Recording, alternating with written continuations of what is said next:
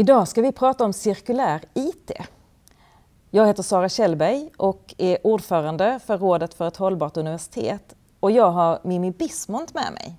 Mimmi, du har skrivit en avhandling där du har undersökt hushållsavfall och vilka utmaningar det finns när vi ska reducera vårt avfall.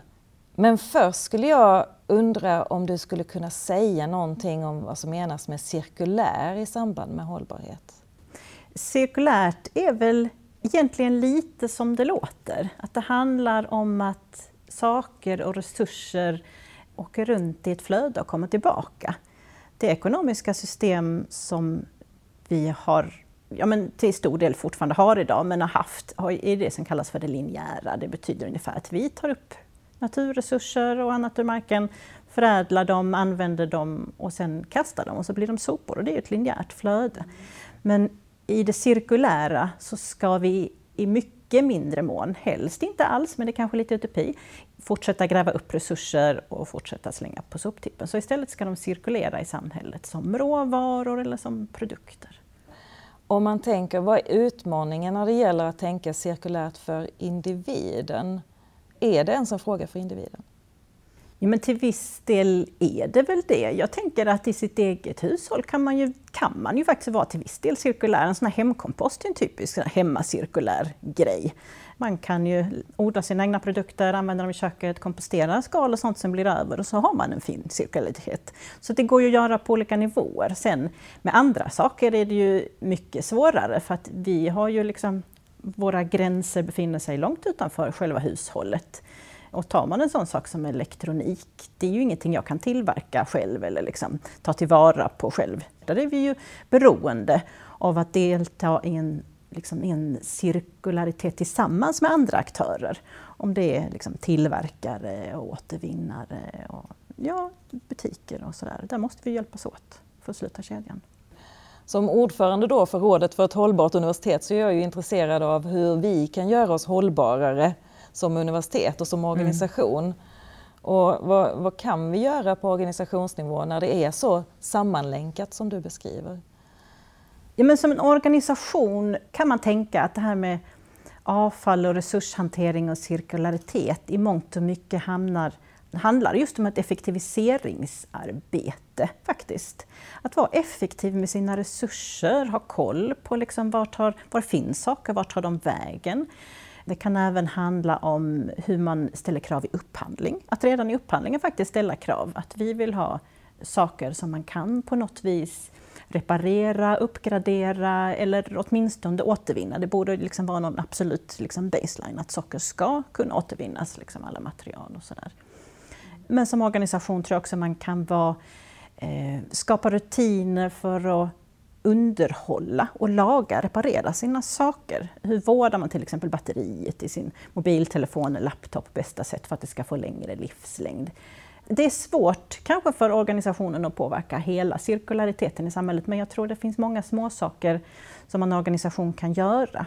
Och som offentlig organisation så har man ju ett väldigt starkt verktyg i offentlig upphandling där man faktiskt kan ställa rätt höga krav idag, där man faktiskt kan pusha utvecklingen eh, på ett väldigt bra sätt. Vad är möjligt att ställa som krav när det gäller hållbarhet i upphandlingssituationen? Ja, nu är jag ingen upphandlingsexpert. Men jag vet att det diskuteras ju allt mer att kunna ställa krav på att saker man köper in ska till exempel innehålla återbrukade komponenter eller vara återbrukade produkter.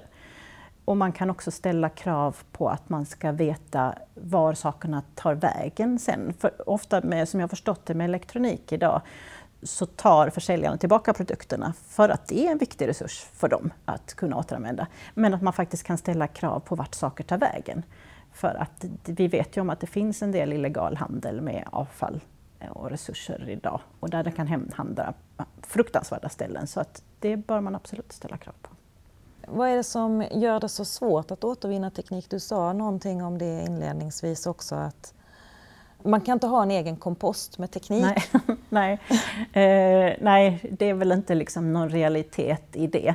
Så Jättemycket. Jag skulle nog säga den allra mesta elektronik går ju att återvinna idag. Och faktum är att, nu får vi skryta lite, men Sverige är bäst i världen på elektronikåtervinning. Eh, kanske för att vi har en tradition av att ha återvunnit förpackningar och annat. Och det har också byggt upp en infrastruktur där vi har duktiga tekniker på att återvinna som vet hur man liksom demonterar och skickar i olika liksom flöden. Det som vi kan bli bättre på som individer när det gäller källsortering eller så återvinning av elektronik, det är att vi behöver bli duktigare på att lämna in sakerna till återvinning. För att generellt så slänger vi väldigt lite elektronik i soporna, det har vi lärt oss. Men å andra sidan är vi väldigt duktiga på att lagra saker mm. hemma. Bara fundera på hur många mobiltelefoner man har sparade i lådan. Mm. Av tusen olika skäl. För att de kan vara bra att ha eller man är osäker på hur man rensar liksom, känslig dator eller vad det nu är för orsak. Mm, vi sparar jättemycket. Och det i sig är ett problem för att de måste ju komma tillbaka in i kretsloppet för att vi ska få tillbaka komponenterna. Jag läste i tidningen häromdagen att nu börjar det bli aktuellt för gruvor på Österlen igen. Det är en sån här fråga som poppar upp väldigt ofta. Och det handlar ju om att man är ute efter de här väldigt ovanliga metallerna och mineralerna som behöver för att tillverka ny elektronik. Och då är det ju jätteviktigt att för att inte behöva gräva upp ännu mer, då måste vi skicka tillbaka våra gamla grejer till återvinningen så de kommer in i cirkulariteten igen. Jag tror det, alltså du var ju lite inne på varför vi samlar det hemma i våra mm. lådor istället för att gå vid... Jag tror att det här med att man inte vet hur man ska tömma ja. eh, produkterna från den data som man har lagt på dem och sådär. Mm. Men det känns som att det måste nästan finnas någonting annat mer som hindrar oss, eller? Nu har jag inte specialstuderat elektronik och anledningen mm. till att vi sparar det, men jag har studerat lite det här det faktum att vi älskar att spara saker. Ja. och att vi fyller våra vindar och förråd och källare. Och det verkar ha att göra med liksom någon känslomässig relation till våra saker. För alla saker som vi på något vis liksom köper eller skaffar eller får, vi binder oss känslomässigt till våra saker. Vi väljer en tröja i butiken och så blir det en favorittröja, så blir det lite jobbigt att göra av med den. Liksom. Det kräver att man liksom känslomässigt separerar sig från sina saker igen. Vissa saker är jätteenkla att liksom, eh, separera sig från, gamla mjölkförpackningar och sånt. Det, det, de åker ut fort. Men andra saker, liksom, barnens första skor eller vad det nu kan vara, eller gamla teckningar och fotografier. Sånt som vi kanske inte har någon direkt behov av men samtidigt inte kan separera oss ifrån. De hamnar liksom i någon sån här mellanlagringsvärld där vi varken har dem liksom i vår vardag eller använder dem eller ser dem men heller inte liksom lyckas göra oss av med dem för det, det är lite för stort steg känslomässigt eller praktiskt. Ibland har vi bara inte tid, det är lättare att bara stuva in det. Liksom. Mm för vissa saker är det svårt att göra sig av med dem känslomässigt. Men jag tänker att där kanske vi kan göra någonting som organisationen då att underlätta tillgången till återvinningen så att säga. Ja, absolut. För att om man då erbjuder tillfällen där vi samlar in elektronik på ett lättare, enklare ja. vis så skulle det kanske göra att man tittade igenom den där högen i en låda någon Precis. gång och tog med sig ja. det. Ja, men jag tror det. Och kanske just som organisation så kanske det kan finnas en fördel om man har en personlig mottagning av grejerna. Just för om man har en mobiltelefon eller en dator, att man får lämna över den till en person och fråga liksom, hjälper ni mig att radera? Och så säger de, ja ja, men det här fixar vi, det här kan vi, vi är experter på detta och vi kommer radera all data. Då känner man sig trygg. Liksom. För jag tänker också, som du säger, just det här att se det som en del av någonting som kommer användas vidare. Mm. Annars så kanske man lätt tänker bara på det som att det är det, det kommer bara bli sopor. Nej, det är det inte. Jag tror att begreppet sopor börjar bli lite omodernt. Mm. Alltså på ett sätt tror jag att det kommer alltid finnas en viss sopa. Liksom. Mm. det kommer alltid finnas saker som är smutsiga och äckliga och ja. på något vis blöjor och annat. Liksom. Det, det, vill vi inte tänka direkt återvinning av. Men det allra mesta resurser vi har i samhället det lider vi ändå någon slags brist på förr eller senare. Mm. Om det är råolja eller olika slags metaller eller vad det nu kan vara. Så vi behöver cirkulera dem allt mer och mer. Så jag tror vi ska se allt färre saker som sopor och allt fler saker som faktiskt möjliga resurser. Och det ser vi ju i den här cirkulära ekonomin som börjar växa fram och som faktiskt är tagen på EU-nivå, att detta är liksom framtiden, det är den cirkulära affärsmodellen. Och där vi ser företag som skickar ut sina produkter på marknaden men fortsätter hålla fast vid dem för att verkligen få tillbaka dem in igen. Och det finns ett antal sådana företag som redan har anammat de här affärsidéerna. Det finns ett företag som säljer kopiatorer till exempel, eller faktiskt inte säljer längre. De har gått över till att de lämnar ut en tjänst att du ska kunna kopiera. Men det är deras kopiator hela tiden. De har service på den och de tar tillbaka reservdelar om det behöver bytas eller hela apparaten och så stoppar de in det i hela sin återvinningsprocess igen. Så jag tror att vi i den cirkulära ekonomin så kommer vi se allt fler av den här typen av affärsmodeller och allt färre som bara skickar ut sina grejer, låter det blandas med sopor och gå in i ett eh, avfallsförbränningsverk. Kan det bli en utmaning för individen utifrån det du sa det här med att man skapar en eh, relation med sina saker? Mm. Ja, men det är en bra fråga. Jag tänker att det kanske är lite både och.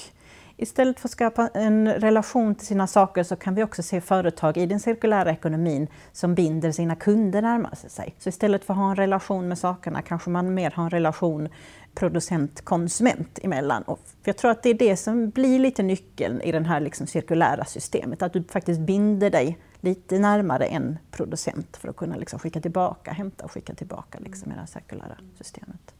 Jag tänkte också på det du sa, någon nämnde det här med effektivitet eller tänka på vad det är för saker vi behöver, mm. kan man ju tänka på också, eller mm, hur länge Absolut. vi behöver dem eller så. Ja. Eh, och att det är kanske någonting som vi behöver diskutera också ja. inom eh, en organisation som Malmö universitet. Vad är det, mm. vad, vilken teknik är det vi, vi ska erbjuda och hur länge ska den ja. hålla? Ja. Ja.